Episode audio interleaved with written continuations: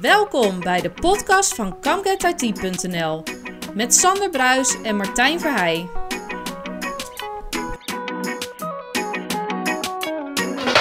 Aflevering 15 alweer van de Com Get IT podcast. Eh, ja, met eh, Sander natuurlijk weer. We Hoi. zijn weer in de locatie Almere. Sander, hoe is het? Ja, of ziek geweest, maar eh, weer beter. Je ziet er ook beroerd uit. Nou, dank je. nee, jij trekt voor de zalen. Dus, ja, is het standaard antwoord. Maar nee, eh, ik, ik hoop dat ik niet te veel hoest vandaag. Want ik, ik ben nog steeds wel een beetje aan de hoest. Ja. Maar het gaat eh, weer stukken Nou, beter. ik heb een flesje desinfectiemiddel op tafel gezet, dus dat gaat goed komen. Ja, we kunnen alle grappen over het coronavirus natuurlijk uit de, de, uit de, de kast trekken. Maar ik hoop dat het, eh, nou ja, het gaat in ieder geval beter. Laten we het daarop houden. We zitten er niet alleen. Eh, naast Nee. mij eh, zit eh, eh, Johan van Amersfoort. En Johan, hoe is het met jou? Het is eh, het voorjaar begint weer te komen. En ehm, Ah. ja, als, als het goed is. Aarzelend, eh klein beetje aan. Maar ik heb inderdaad de zon in ieder geval al gezien eh, een aantal keer. Ja.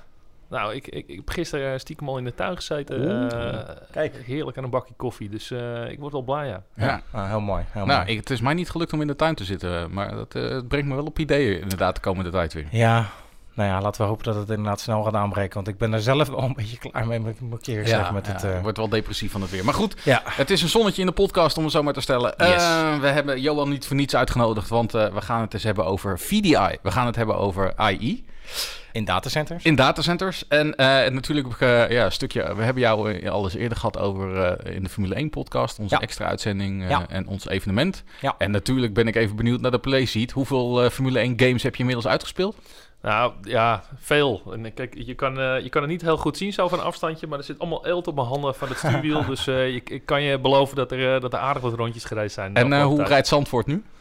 Eh, ja, Zandvoort zit helaas nog niet in 2019. Ai. maar eh, ik ga het eh, in mei eh, meemaken. Ik gaat ben een van de gelukkigen die, eh, die een kaartje heeft voor de, voor de Formule 1. Ja. Dus eh, Ja. als corona niks in de weg gaat eh, staan, dan, eh, ja, dan eh, mag ik daar op zondag eh, wat rondjes gaan meekijken. Ik hoop dat de rook een beetje zo richting... De wind een beetje richting mijn regio staat. Dan eh, ruik ik het misschien eh, Ja. net nog. net nog. Nou, en misschien wel aardig om te vertellen eh, voor de mensen die niet bij het evenement waar, eh, zijn geweest waar Johan een presentatie heeft gegeven. Of de eh, bijbehorende podcast, eh, de extra podcast die we daar hebben opgenomen. Johan heeft toen de tijd een eh, presentatie gegeven over de playseat die jij, nou mag ik het zeggen, ontwikkeld hebt. Met behulp van een Thin Client gebaseerd op VDI. En jouw insteek was, ik, als ik me goed kan herinneren, dus correct me if I'm wrong jouw insteek en de bedoeling was om het zo simpel mogelijk setup met zo eigenlijk zo goedkoop mogelijke onderdelen. Eh, om daar wel een werkende playseat met Formule 1, wat was het, 2019 zal het zijn? Ja, toen was 2017. 2017, ja, oké. je gaat goed.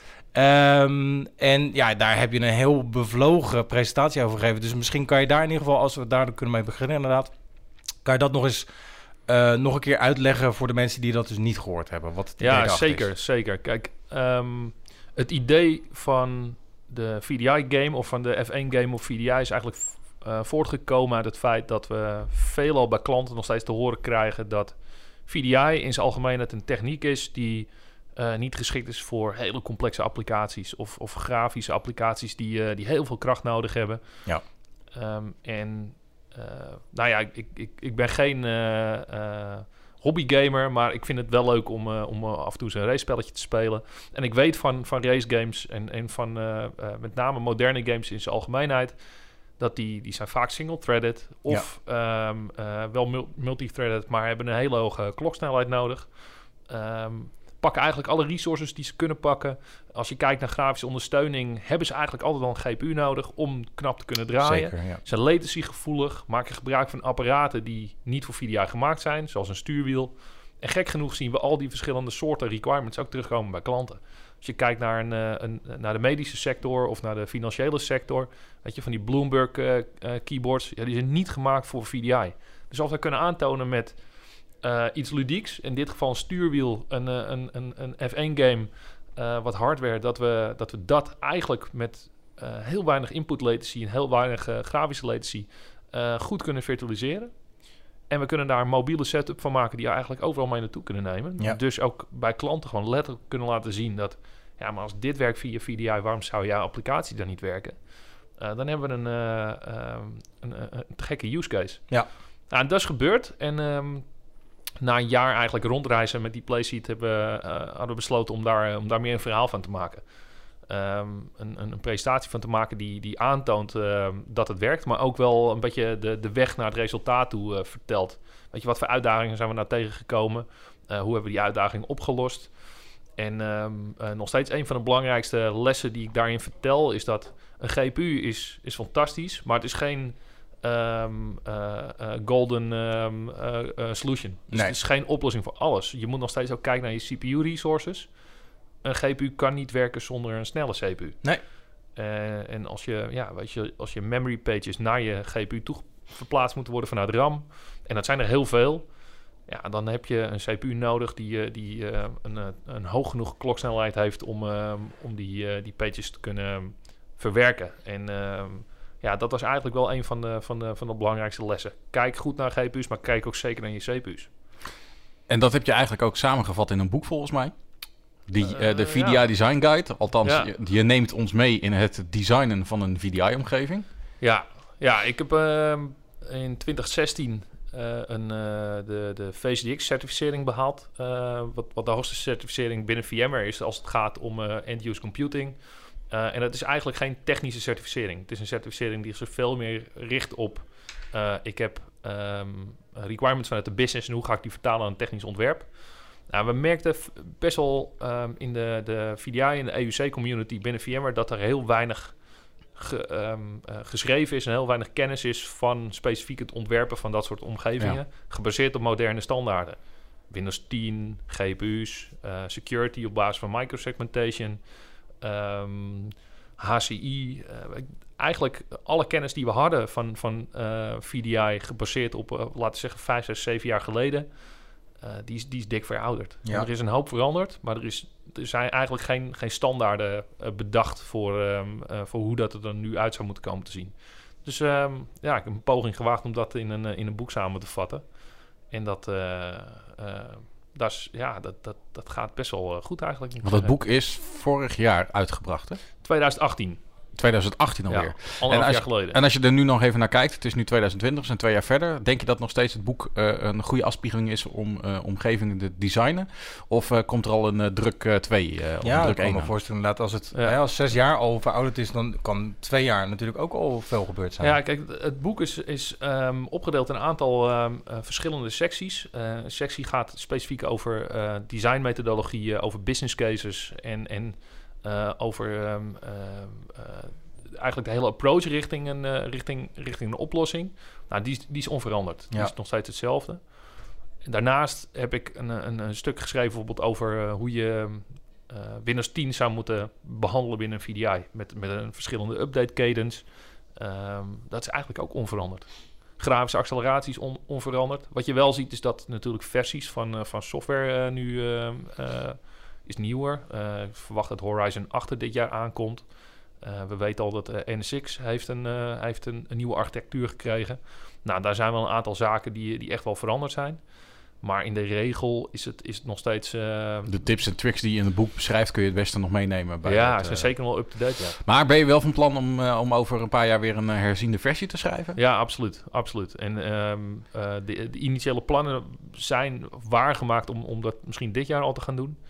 Ehm, en misschien gaat dat nog steeds lukken. En zo niet, dan, eh, dan denk ik dat de kans wel groot is dat het volgend jaar gaat gebeuren. Nou, als je de boek weer eh, eh, lanceert, dan eh, nodigen we je graag met alle liefde weer uit. Heel goed. Ik moet zeggen, ik heb zelf het boek, eh, ik ben ermee bezig. Hij ligt eh, naast mij op een nachtkastje. Maar dat heeft meer met mijn tijdgebrek te maken dan s s'avonds. En net even te laat naar bed en s'morgens te vroeg wakker. Eh, dus ik ben niet zo'n lezer in, in het boek. Herkenbaar. Herkenbaar, maar hij, ik heb hem. Dus eh, eh, ik, Heel goed. is het alleen maar om kennis op te doen, om rekening te houden met wat waar je eh, nou ja, mee te maken krijgt met ontwerpen. Maar ook als je bij klanten binnenkomt waar zo'n omgeving al draait. Ja. Dus ik kan het zeker als tip meegeven. Ga het boek lezen. Hij is ook dus nog, nog steeds te koop, neem ik aan. Hè? 100%. Eh, gewoon via Johan van Amerspoort eh, zoeken op Google. ja, dan, dat eh, kan. Je kunt uh, vhojan.nl, wat mijn mijn blog is. Daar staat een, eh, een link op naar dat boek. Of vdidesignkite.com, kom je op dezelfde pagina uit. Kijk eens dan. Je bent bij ons geweest voor de PlayStation Simulator. Nou weet ik dat je ook alweer het land eh, doorheen toert, bij wijze van spreken. Maar dan gaat het over eh, VDI eh, eh, by en Compute by night. Kun je daar wat over kwijt? Ja, zeker. Ongeveer anderhalf jaar geleden uh, ben ik uh, bij een, uh, een klant betrokken geraakt, een, ziekenhuis als, als architect. En um, daar kwam ook een, een stevige vraag van VDI naar voren. En de bedoeling was eigenlijk ook wel dat we daar een VDI-platform zouden gaan bouwen.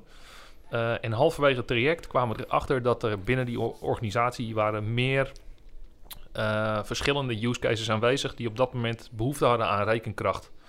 Uh, een, een, best wel een knappe uh, data science department die uh, rekenkracht gebruiken voor oncologisch onderzoek. Ja. En we bedachten op dat moment in het traject, um, of we, we, hadden het idee om, ja, om eens te kijken of we die, die, die resources die we toch al voor die virtuele desktops nodig hadden, of we die niet gewoon slim konden inzetten, anders konden inzetten, om ervoor te zorgen dat de resources die dan over zijn, kunnen worden gebruikt voor dat oncologisch onderzoek. Nou, eigenlijk uh, door, door wat partijen uh, te betrekken bij, uh, bij onze plannen, zijn we tot het concept gekomen wat, wat inderdaad VDI BD Compute by Night is. En wat we doen overdag is dat we, we hebben zeg maar even ruim 2000 gebruikers die, die kunnen werken op het platform. Dat platform is gesized um, in twee datacenters voor beide 100%. Dus we hebben een 100% overcapaciteit. En die overcapaciteit die gebruiken we op dit moment simpelweg gewoon voor data scientists die, die daar een bijvoorbeeld een AI-model op kunnen ontwikkelen, uh, dat model kunnen trainen en uh, uiteindelijk dat model kunnen inzetten in applicaties. Um, en overdag kunnen ze daar eigenlijk al gebruik van maken. En um, in avonturen, zeg maar vlak voordat de, de, de, de piektijden zeg maar, zijn, klaar zijn, zeg maar rond de uur 5, 6, dan worden zoveel mogelijk van die desktops die niet meer gebruikt worden, die worden gewoon afgebroken. Uh, de resources die worden weer vrijgegeven in een pool. En uh, op dat moment kunnen wij vanuit een, een high performance computing cluster kunnen we extra nodes opspinnen die gebruik maken van die rekenkracht. En, en zo, ja, zo kunnen we gedistribueerde uh, deep learning trainingen kunnen we, kunnen we afvuren. We kunnen, um, dus, dus er zijn een aantal verschillende applicaties binnen die organisatie die, die bijvoorbeeld. Als je kijkt naar het menselijk lichaam, als je daar een MRI van maakt, dan is het vrij lastig om te bepalen welk, um, uh, welk onderdeel van het, van het lichaam je daar te zien krijgt. Maak bijvoorbeeld een MRI van je gezicht. Uh, dan is het heel lastig om te bepalen wat, wat is de neus en, en hoe hm. kan ik ervoor zorgen dat ik die neus helemaal uh, lostrek van de rest van, uh, van de MRI-foto. Nou, ze hebben bijvoorbeeld een algoritme gemaakt wat dat kan automatiseren.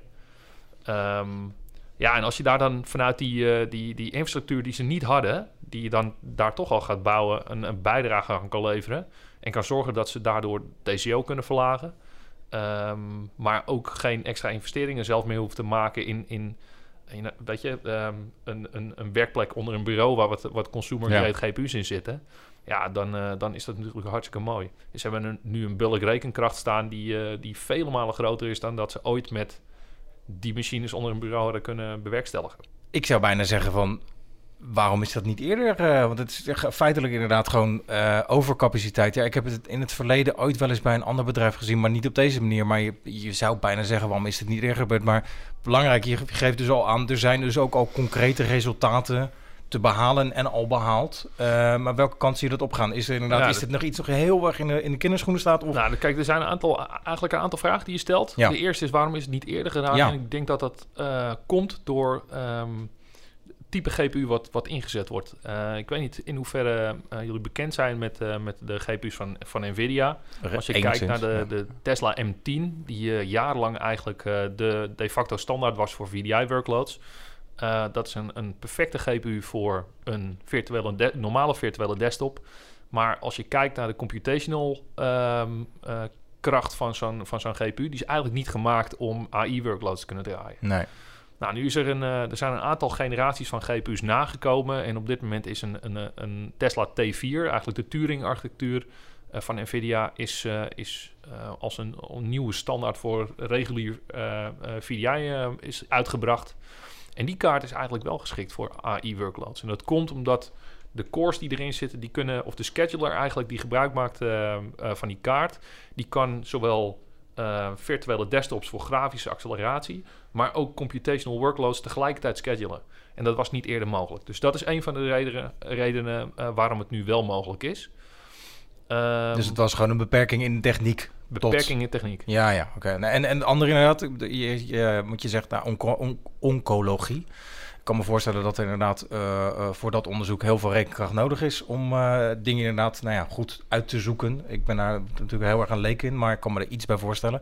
Maar ehm, welke kant gaan we op? Is het inderdaad, eh, eh, zijn dit dingen die met name in de gezondheidszorg, of zie je dat nog veel breder, dat bij wijze van spreken op, nou ja, noem maar ministeries of dat soort dingen, dat dit soort dingen ook heel erg ingezet kunnen gaan worden? Ja, dat is, dat is een hele goede vraag. Kijk, ehm, AI is, ehm, kun je eigenlijk op dit moment onderverdelen in, in general AI, waar we eigenlijk nog, nog, nog lang niet zijn. Dan moet Nee. je echt wel denken een beetje aan de, aan de Skynets en, en de, ehm, eh, voor de andere nerds onder ons, eh, de personal assistant van Tony Stark. Ja, ja, ja, ja, ja. ja. Ehm, is eh, Jarvis. Dat, dat zijn, weet je, general AI, dat zijn zelfdenkende en zelflerende machines. Nou, daar zijn we nog lang niet. Nee, Eh, die andere is narrow AI. En binnen narrow AI kun je eigenlijk... ehm, narrow AI is, is, is, een, is een heel specifiek doel wat je voor ogen hebt... waar je een algoritme op loslaat en dat, dat haalt dan dingen terug.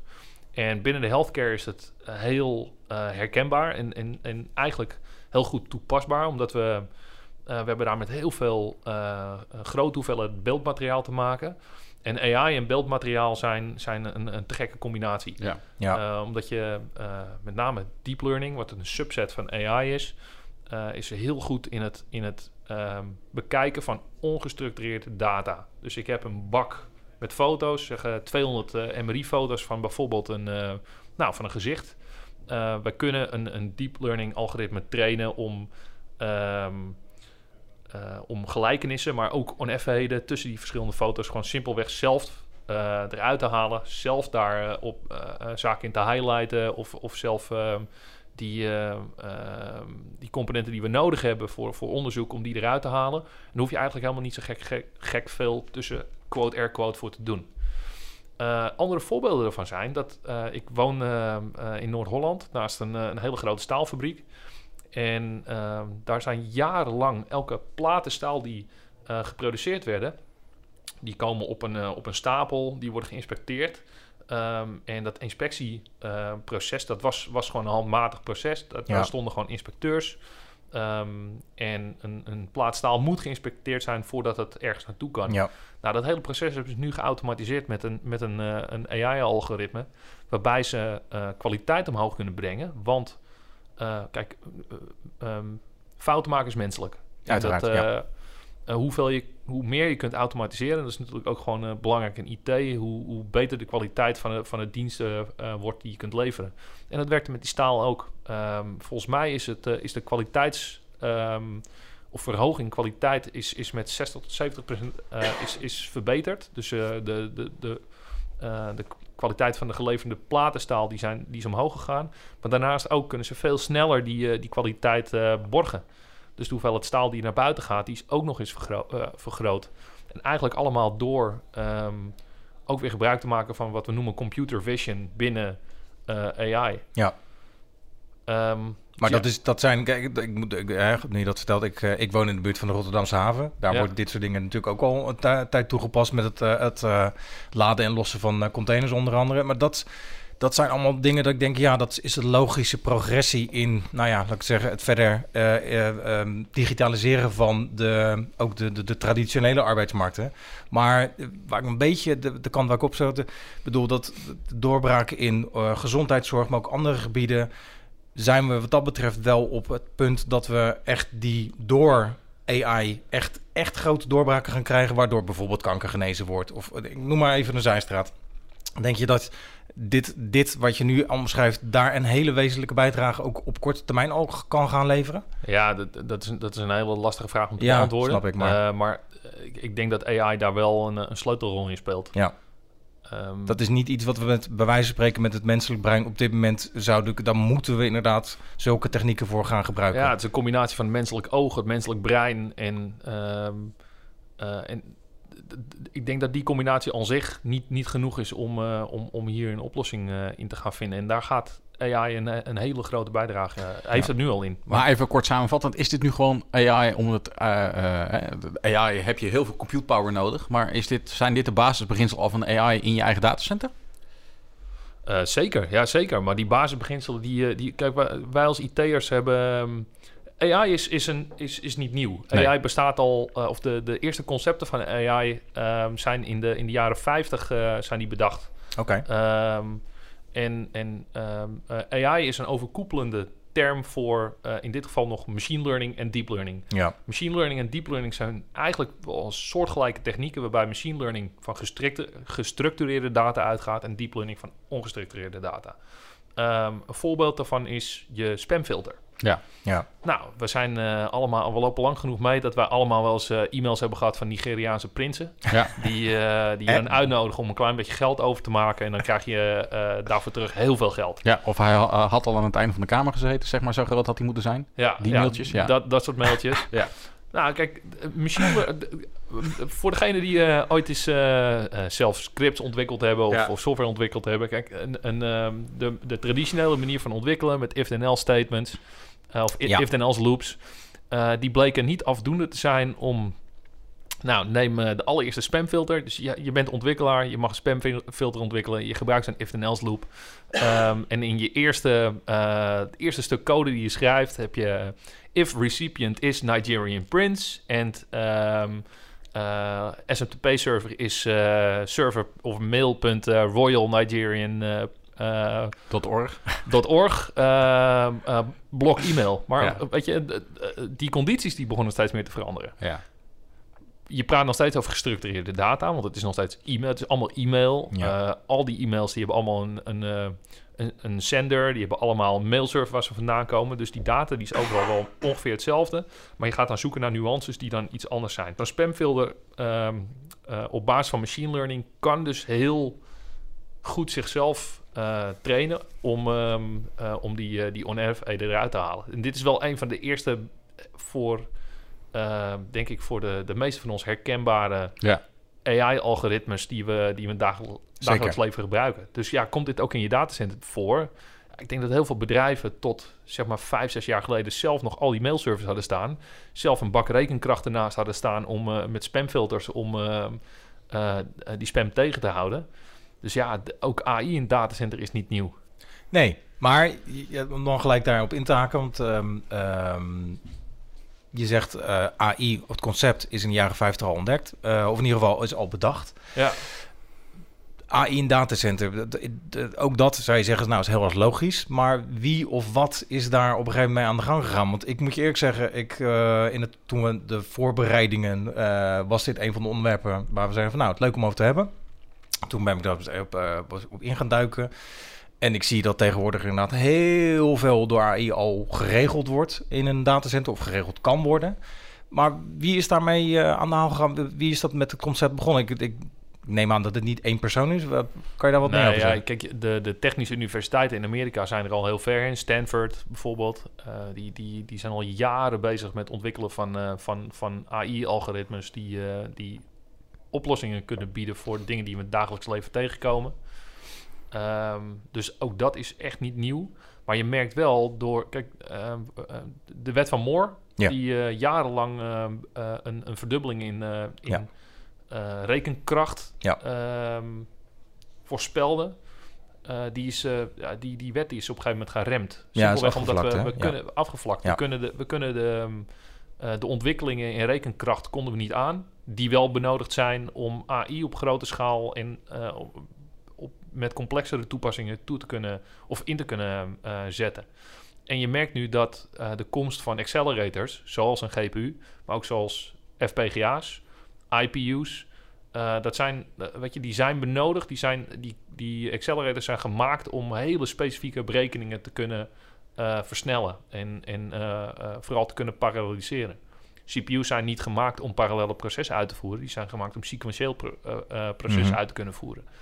Weet je, een, een CPU-core is heel complex en kan daarmee eigenlijk alles berekenen wat je maar vraagt aan een CPU. Ja. Terwijl een GPU-core is niet complex, maar kan ook niet alles. Die moet iets met CUDA-instructies doen of die moet iets met uh, het, het, het uh, verversen van uh, of het, het, het renderen van een beeld doen. Maar dat is dan ook echt het. Je kunt aan een GPU niet alles vragen. En da dat, dat maakt, denk ik, dat een, een GPU ook um, beter inge ingezet kan worden voor die uh, die parallele processen. Ja. Een GPU heeft um, een, een, gemiddelde datacenter GPU heeft, heeft rond de 5000 cores. Die 5000 cores die kunnen parallel dingen uitvoeren. Ja, dat betekent dus ook dat als je iets vraagt aan de GPU, dat je veel sneller het antwoord terugkrijgt. En met name die machine en die deep, deep learning workloads, die zijn gemaakt om op grote schaal parallel zaken te kunnen processen. Als je daar een voorbeeld van zou willen ehm, eh, zien, raad ik jullie aan om op Netflix eh, is een, eh, een documentaire terug te vinden, AlphaGo. En die gaat over de, eh, eh, de deep learning computer, AlphaGo of die- deep learning algoritme, die ehm, het, het, het moeilijkste spel, eh, wat, er- wat er- bordspel wat er bestaat, Go. ehm, Ja, ja, ja, ja, ja. Daarvan eh, heeft eh, Google had bedacht om, eh, om, om een AI-algoritme te bouwen dat eh, de allerbeste speler op de wereld zou moeten kunnen verslaan. Ja. Nou, ik zal niet vertellen wat er gebeurd is, maar dit, eh, of deze documentaire geeft extreem goed weer wat eh, deep learning is en waarom het zo complex is om het, ehm, eh, om het om te draaien en waarom je zulke grote bakken rekenkracht nodig heeft of hebt. Maar hoe even voor de beeldvorming, dat ging heel snel. Hoe heette die documentaire? Eh AlphaGo. AlphaGo. Eh, Ondertussen zoek ik hem even op. Dan heb ik de link voor in... eh, Ja, ik, ik, ik heb erover gehoord en ik, ik meen dat ik geloof ik wel de, uit- de uitslag heb, maar laten we dat inderdaad niet spoilen. Maar als je dan kijkt naar, eh, ik heb een heel mooi staartje gevonden met de- wat er allemaal mogelijk is, wat er allemaal gedaan wordt tegenwoordig. En dan heb je het ook simpelweg over bijvoorbeeld eh, alarmen, eh, maar ook koeling, dat soort dingen. Wat zijn de meest gebruikte zaken op dit moment? Want je hebt ook natuurlijk offloading eh, wordt er gedaan. Wat, wat zijn op dit moment, welke kant gaat dat op? Welke, Nou, het- praktisch. Eh, bijna elke eh, parkeergarage waar je tegenwoordig aankomt lopen of aankomt rijden, eh, daarvan wordt je kenteken gescand. Ja. Nou, ga je betalen, kom je terug, of als je geparkeerd hebt, je gaat betalen, je komt met je auto weer bij de slagboom en die slagboom gaat open. Is herkenning van je kentekenplaat, zit een AI-algoritme achter. ja. Ehm, dus eh deurbellen. De- de- Sommige van ons die zullen waarschijnlijk al zo'n eh, zo'n zo'n videodeurbel hebben met een stukje herkenning erin. Hetzelfde verhaal. Maar ook bijvoorbeeld eh, als je thuis een Google Home hebt of, een, of je maakt gebruik van Siri of, of, een, of een ander spraakherkenningssysteem. Ja, er zit ook allemaal AI achter. Ja. Ehm, simpelweg omdat we eh, de, de, de opdrachten die we, die we of de, de zaken die we vragen van onze apparatuur, die worden steeds complexer. Dus je hebt zoiets nodig om, eh, om, om, om die, eh, die vraag te kunnen beantwoorden. Ja. Zijn het zaken die simpelweg gezegd eigenlijk allemaal inderdaad gewoon handjeswerk zijn? Het is simpele handjeswerk en zie je op een gegeven moment ook de, nou ja, wat je ook wel hoort over de systeembeheerder 2.0 bijvoorbeeld, dat dat soort taken allemaal veranderd worden. Zie je dat ook dat heel erg aan het veranderen is en dat er Ja, dus zeker. ook echt heel andere taken bij een, nou ja, een datacenterbeheerder eh gaan horen. Ja, absoluut. Ehm, een van die voorbeelden is eh, ehm, een project wat VMware eh, afgelopen jaar gelanceerd heeft, Project Skyline. Eh, Skyline is een, ehm, is een, is een eh, even gechargeerd of een, een, een monitoringoplossing die in je datacenter draait, maar die stevige integratie heeft op je, eh, op je infrastructuur. Mhm. Ehm, in combinatie met V-Realize Operations. Ehm, wat dat simpelweg doet, is eh, een praktisch voorbeeld. Eh, stel nu dat je een virtueel SAN eh, hebt draaien in je datacenter. Ehm, normaal gesproken moet je aan de knoppen draaien om, om eh, dat zo optimaal mogelijk eh, te kunnen inzetten voor type workloads. Een VDI-workload is compleet anders als een server-workload. Hmm. En zo zal een, eh, een high-performance computing workload weer heel anders zijn. En, en eh, dingen die anders zijn, zijn bijvoorbeeld block sizes of weet je, je, je, je, je reads en, re- en je writes zijn qua percentage natuurlijk anders. Nou, wat het product doet, is dynamisch bekijken aan de hand van de workloads die jij hebt draaien. Eh, zien wat de meest optimale setting zou zijn voor je storage-omgeving. Dus die, die, ehm, en daar zit ook een stuk AI achter. Dus er wordt gewoon simpelweg gemonitord. Er wordt een trendanalyse eh, eh, op losgelaten. En die zal zien op basis van de workloads die je draait. Wat voor jou voor die type workloads de, de ideale block size is. Wat, hoe je caching ingeregeld zou moeten worden. Heb je meer behoefte aan een, aan een strijpset? Of heb je meer behoefte aan een, aan een soort rate qua, qua, qua indeling? Ehm, en die, ehm, eh, die techniek die zal dat voor je automatiseren. Ja. Nou, ik denk dat ook wel een, een, een, een, een voorbeeld is. Naast, ehm, ik kom uit de VDI-hoek. Ja. Ehm, surprise, surprise. Surprise, surprise. en ehm, remoting protocols is, eh, weet je, het tunen en het tweaken van een remoting protocol is altijd een uitdaging. Ja.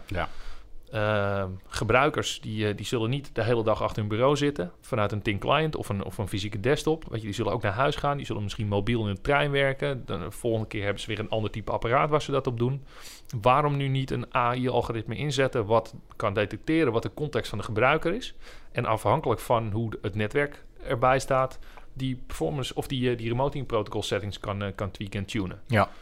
Eh, dit is er nog niet, maar dit gaat er zeker komen. Daar Nou ja, ben ik heilig van overtuigd. Dat is gelijk een mooi berichtje, want dat was wa- wa- mijn volgende vraag. Waar gaan we naartoe? Maar ook vooral, in hoeverre wordt nu die vooruitgang geremd door een eventuele angst voor die AI, die algoritmes, waar natu- wat nog wel gewoon een, een, een, een ding is bij een heleboel mensen, ook op, hè, op het gebied van privacy en dat soort dingen. En je noemde net het kenteken. Ik, ik kan me voorstellen dat mensen zeggen, nou ja, ik vind het toch niet heel erg fijn dat ik continu overal altijd maar in de gaten gehouden word, ook al is het misschien, loop je daar tegenaan ook? Nou ook ja, op, eh, qua, op, hè, met bedrijven. persoonlijk niet. En ook, ook bij de klanten waar ik kom niet. Ehm, maar ik kan me wel voorstellen, en zo sta ik er zelf ook wel in. Kijk, eh, gezichtsherkenning in zijn algemeenheid is niet, ehm, eh, eh, is niet prettig, denk ik. Nee. Als, je, als je weet dat in China ehm, overal camera's hangen die iedereen in de gaten houden. Eh, letterlijk. En het is niet een of ander ehm, Nee, eh, verhaal. absoluut. Dit is letterlijk gewoon wat er gebeurt. Absoluut. De overheid weet alles. Ja, dat beangstigt me wel eh, enigszins. En niet alleen in China, vrees ik. Maar dat nee, nee, nee, zeker niet. Maar ehm, weet je, ik denk dat het dat AI, het opzoeken van een, een gezonde scheidingslijn tussen wat wel en niet kan, dat is belangrijk. Er zijn natuurlijk in de, in de Tweede Kamer ook allerlei zaken gaande rondom eh, het inzetten van AI voor bijvoorbeeld het afluisteren van, eh, van telefoongesprekken en dat Ja. soort dingen. Ehm, ja, daar moet wel een hele, hele gezonde eh, privacywet in, in, in toegepast gaan worden. Ehm, maar ja, weet je, het afluisteren van telefoons is ook niet nieuw. Nee, zeker en het, niet. En het bekijken van camerabeelden nadat er een ongeluk is gebeurd is ook niet nieuw. Dus regelgeving is daar belangrijk in. Dat zie je bijvoorbeeld ook in au- autonoom rijden. In Californië zie je, ehm, eh, zie je al best wel wat, zeker rondom Palo Alto, San Francisco, zie je auto- autonome ehm, eh, voertuigen zie je veelal voorbij komen. Ja. Ja, hier zijn eh, gemiddelde Tesla's ook al voorzien van een autopilot. Maar het mag nog niet ingezet worden, simpelweg omdat we nog niet zo ver zijn qua regelgeving. Want wie is er nou... Er is laatste, voor mij twee weken geleden, is een ongeluk gebeurd met een Tesla, een dodelijk ongeluk. Ja, wie is er nou in dit geval aansprakelijk? Ja, precies. Nou ja, ik heb ook het idee dat die, de, echt die grote discussie nog steeds niet echt gevoerd is in Nederland. eh, wat dat betreft. Dat er inderdaad natuurlijk wel discussies over zijn, maar dat het altijd een beetje gesegmenteerd is op inderdaad een Tesla met, met autopilot of nou ja, gezichtsherkenning enzovoort enzovoort. Dat die hele brede discussie nog steeds niet echt gevoerd is. En dat een heleboel mensen ook het idee hebben van ja, ik, ik, ik word ergens in meegesleept waar ik ja, niet precies het, het eh, kan overzien wat uiteindelijk de consequenties zijn en daardoor wel angst is. Maar ik ben met je eens dat eh, natuurlijk daar wel nog een heleboel voorde- voordelen eh, uit te halen zijn. Maar ja, goed, daar gaan we nog komen dan eh, hopelijk. Wat ik hoor, Johan, ik hoor bij jou echt een hele hoop kennis. Je zit heel diep in die materie. Hoe hou jij überhaupt een werk- en privébalans? En heb je nog Ja. hobby's? Ja, Ja, ja. ja. Nou, de- eh, mijn werk is mijn grootste hobby. Laten we daar... eh, Herkenbaar, denk ik, bij ja. de meesten. een aantal echt wel eh, eh, passies naast mijn werk. Eén is, en daar heb ik helaas de afgelopen tijd niet heel veel mee kunnen doen, is duiken. Ik ben duikinstructeur. Oké. Oh, dat is inderdaad ook wel heel wat anders. Ja, Ja. en ik heb een passie eigenlijk voor alles wat met haaien te maken heeft. Ik heb een, mijn linkerbeen staat redelijk, eh, voet zit vol getatoeëerd met, eh met Oh. plaatjes Oh, van haaien. Ik dacht, is Ja. een haaienbeet. Ja, ik dacht, Ja, dacht ik nee. ook inderdaad, ja. Bijna. ja, dat is er eentje. en en ik heb ontspanning nodig door de week om waarbij mijn kop leeg kan maken. Dus ik, ik ben best wel fanatiek crossfitter. En ehm, mag twee à drie keer in de week in een, bij ons in de crossfit box wel even een uur gewoon helemaal leeg gaan. Ehm, ja, barbecuen. Oh ja, herkenbaar. Ja, ja, Dat schijnt toch inderdaad Ja, vaker, dat is wel een eh, beetje, voor te eh, dat- ja, ja. Ik ben slagerszoon. En dat, Oh, is, nou, dat is er wel... Kijk, ik kan je eh, een hand schudden, maar dat Oh, doen ja. we nu even niet. Maar ik kan je een hand schudden. Ja, ja dat is, dus het is met de paplepel ingegaan. Ja, ja, ja, ja. Nou ja, bij, ja, het is inderdaad met de paplepel ingeschoten. Ik zeg altijd, ik ben de zoon van de slager, dus eh, de Ja. barbecue moet roken. Ja. Nou, daar heb ik ook weer wat geleerd, want dat wist ik ook nog niet. leuk, leuk. Maar het is inderdaad een, eh, een terugkerend onderwerp. In ieder geval bij, eh, gezien de vorige gasten. Maar je bent ook nog heel veel actief in communities, toch? Ja, ja ik ehm, eh, probeer eigenlijk wel... eh, nou ja, ik ben, ik, ben ehm, eh, onderdeel van een IUC Digest eh, eh, team... waar we ook een podcast mee maken... Ja. En, eh, waarmee we een, een, een, ehm, een, een platform of eigenlijk een vendor-agnostic eh, platform willen neerzetten. Waar, waarbij we gewoon eh, kennisdeling eh, willen gaan bewerkstelligen. Maar ik ben wel regu- reguliere gast op, op VMUGs, op UserCons, VMworlds, ehm VMware EUC TechCon. Bijna allemaal wel echt wel via VMware gerelateerd. Omdat daar, daar, ja, daar kom ik vandaan. Daar ligt ook wel mijn hart Die passie, ja. en mijn passie. En, ehm, maar ja, ik, eh, ja, ik, weet je, eh, een van de motto's die we hebben binnen ITQ, mijn werkgever, is dat we, eh, we vinden de kennisdeling een van de belangrijkste dingen die er is. En niet alleen binnen onze organisatie, maar ook richting klanten, richting community. Eh, want ik denk dat doordat we met z'n allen die kennis delen, eh, kunnen we verder komen. Ja, absoluut.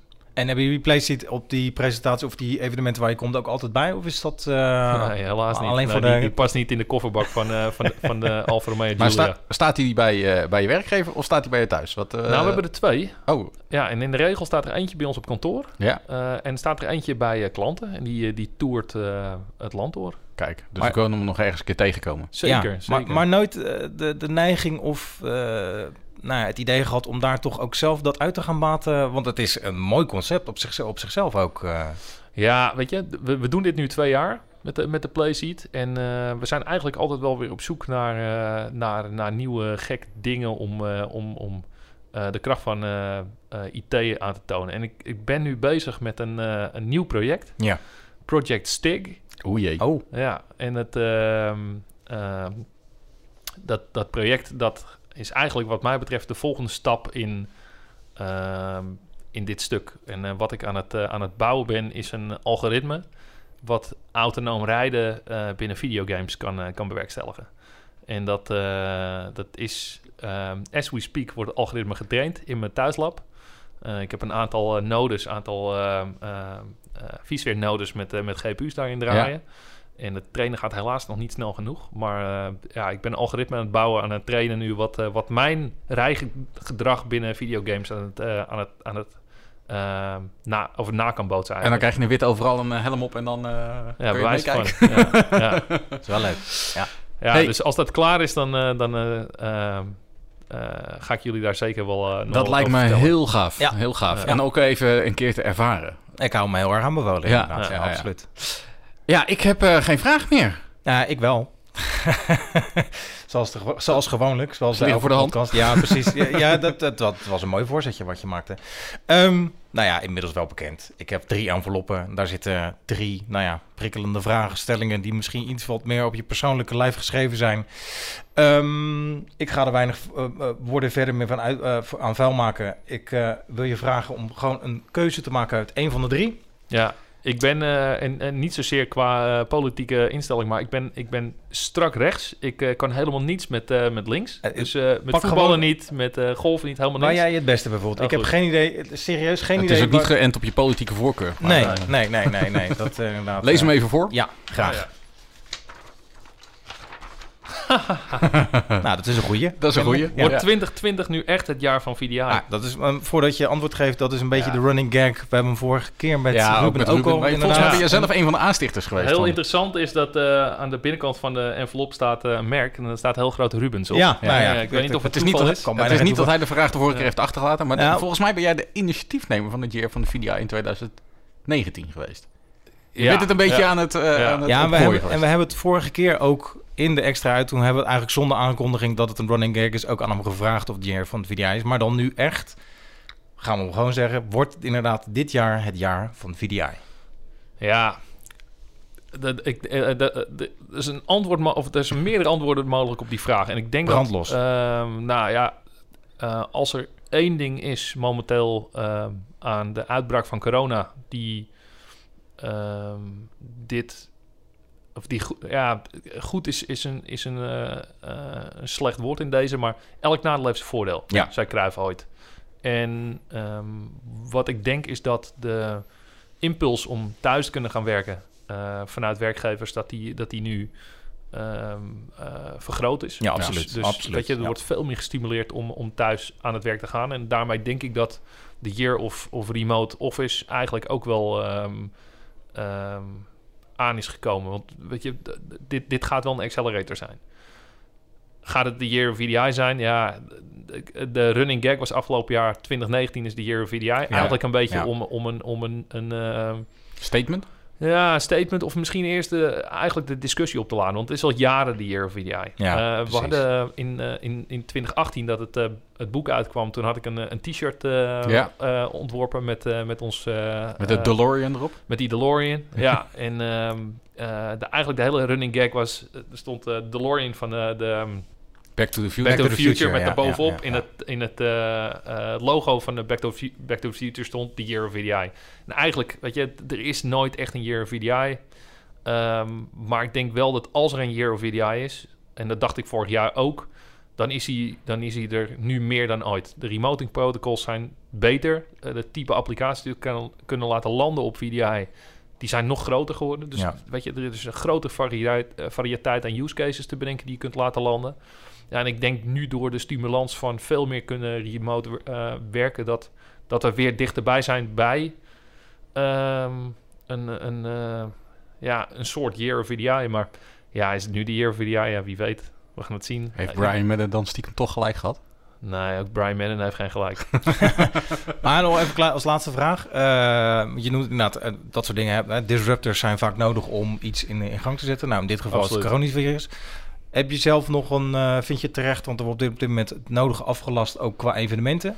Ja, Daar heb je misschien zelf ook last van. Ja, omdat- eh, een van de, onderdelen van mijn, van mijn, van mijn rol is eh, als technologist is ook ja, is evenementen af. En Ja. in de komende maand had ik vier evenementen staan in het buitenland. Die zijn alle vier gisteren en eergisteren gecanceld. Ja. Ja, ik snap het wel. Ergens snap ik het wel. Ehm, eh, in, in, ehm, weet je, dat zijn niet alleen deze evenementen. Ik las gisteren dat HIMS, grootste ehm, eh, healthcare IT-beurs in Amerika, 50.000 man is gisteren, Ja. is gisteren gecanceld. Nvidia GTC ehm, is nu online geworden. Ik las dat de Microsoft Ignite Tour is gecanceld. Ja. Nutanix Next Tour Ja. is gecanceld. Nou, als we het over gaming hebben, E3 eh, gaat wellicht ook niet door. Ja, en dit, dit, en dit zijn alle, alle, alle techbeurzen tot nu toe. Maar ja, ik vrees wel ehm, eh, dat, dat we ook ehm, eh, evenementen, als concerten en dat soort dingen, die, eh, die, die zullen er ook wel op een gegeven moment wat mee te maken gaan krijgen. Ja, zeker Noord-Italië worden natuurlijk nu al voetbalwedstrijden ook zonder Ja. publiek gespeeld. Maar ehm, nou ja, wat dat betreft laten we hopen dat het... Nou, weet je, ook o- om daar nog op in te haken. Kijk, dit zou wel alles wat. Kijk, techbeurzen hebben allemaal één ding gemeen. En dat is de mensen die daar naartoe komen, die zijn ook, als het goed is, tech gedreven. Ja. Dus die, ehm, die zullen allemaal thuis wel eh, een, een, computer hebben staan. Die zullen allemaal thuis wel gewoon eh, de nodige spullen hebben of op kantoor hebben. Om ook remote zo'n eh, zo'n beurs te kunnen bijwonen. En ik geloof wel in het concept van ehm, eh, online seminars. Ja. Eh, zeker op het moment dat je dat op een goede, eh, grote schaal gaat organiseren en het gewoon gemeengoed gaat worden. Kijk, eh, ik vind vliegen niet erg, maar het is niet mijn grootste hobby. Nee. En Nee. dat is wel onderdeel van mijn werk. Maar ja, als, als ik remote van achter, vanuit mijn, mijn mancave mijn presentatie kan gaan geven en ehm, of mijn verhaaltje kan gaan doen, ja, daar, eh, ik, ik zeg daar geen nee tegen. Nou ja, en ik vind de instap ook naar een webinar wat makkelijker dan, eh, dan inderdaad een evenement eh, nou ja, vliegen, eh, dan wat te bezoeken ergens in het land. Terwijl je met een webinar misschien twee uurtjes tijd eh, specifiek de content kan zien die, je die je zelf wil zien natuurlijk. Dus, Ja. eh, nee, ja, ik heb geen vragen meer. Nee. We hebben de envelopvragen gehad. Dus Zeker. volgens mij, eh plus Sander, extra zelfs. plus extra zelfs. Nou, De- reden genoeg om in ieder geval Sa- eh, Johan te bedanken voor zijn komst naar eh, onze locatie hier in Almere. Zeker weten. Ja, jullie ook bedankt, mannen. Ja, Johan, nog even terugkomend. Waar kunnen we dan eh, nog informatie over je vinden? Je hebt het al een keer genoemd, Ja. maar... eh, Ja, mijn blog, Digest. vhojan.nl, eh iucdigest.com, ehm itq.nl ben ik, eh, ben ik ook redelijk wat te vinden met content. En ehm, ja, volg me op Twitter, vhojan, vdidesignkite.com. Oh, kijk, reden genoeg. Ja. En eh, over ons vind je natuurlijk veel meer informatie op uh, www.comgetit.nl of gewoon Sander Bruis met eh, U lange I aan Heel het eh, eind. Heel goed. Of Martijn Verheij en dat is de H-E-I-J aan het eind. Nou, Yes. eh, bedankt voor het luisteren. En heb je vragen, opmerkingen, geen probleem. Of wil je gewoon ons een positieve feedback geven in iTunes? Doe dat met alle liefde. Ja. Eh, zijn wij hier zeer erkentelijk en wordt onze show ook weer beter van. Ik zou zeggen, tot de volgende. Tot de volgende. Bedankt voor het luisteren naar de podcast van CamGetIT.nl. Wil je meer weten? Heb je vragen, suggesties of opmerkingen? Bezoek dan onze website some Baby, come and get it if you need some. Baby, come and get it if you want some. Baby, come and get it if you need.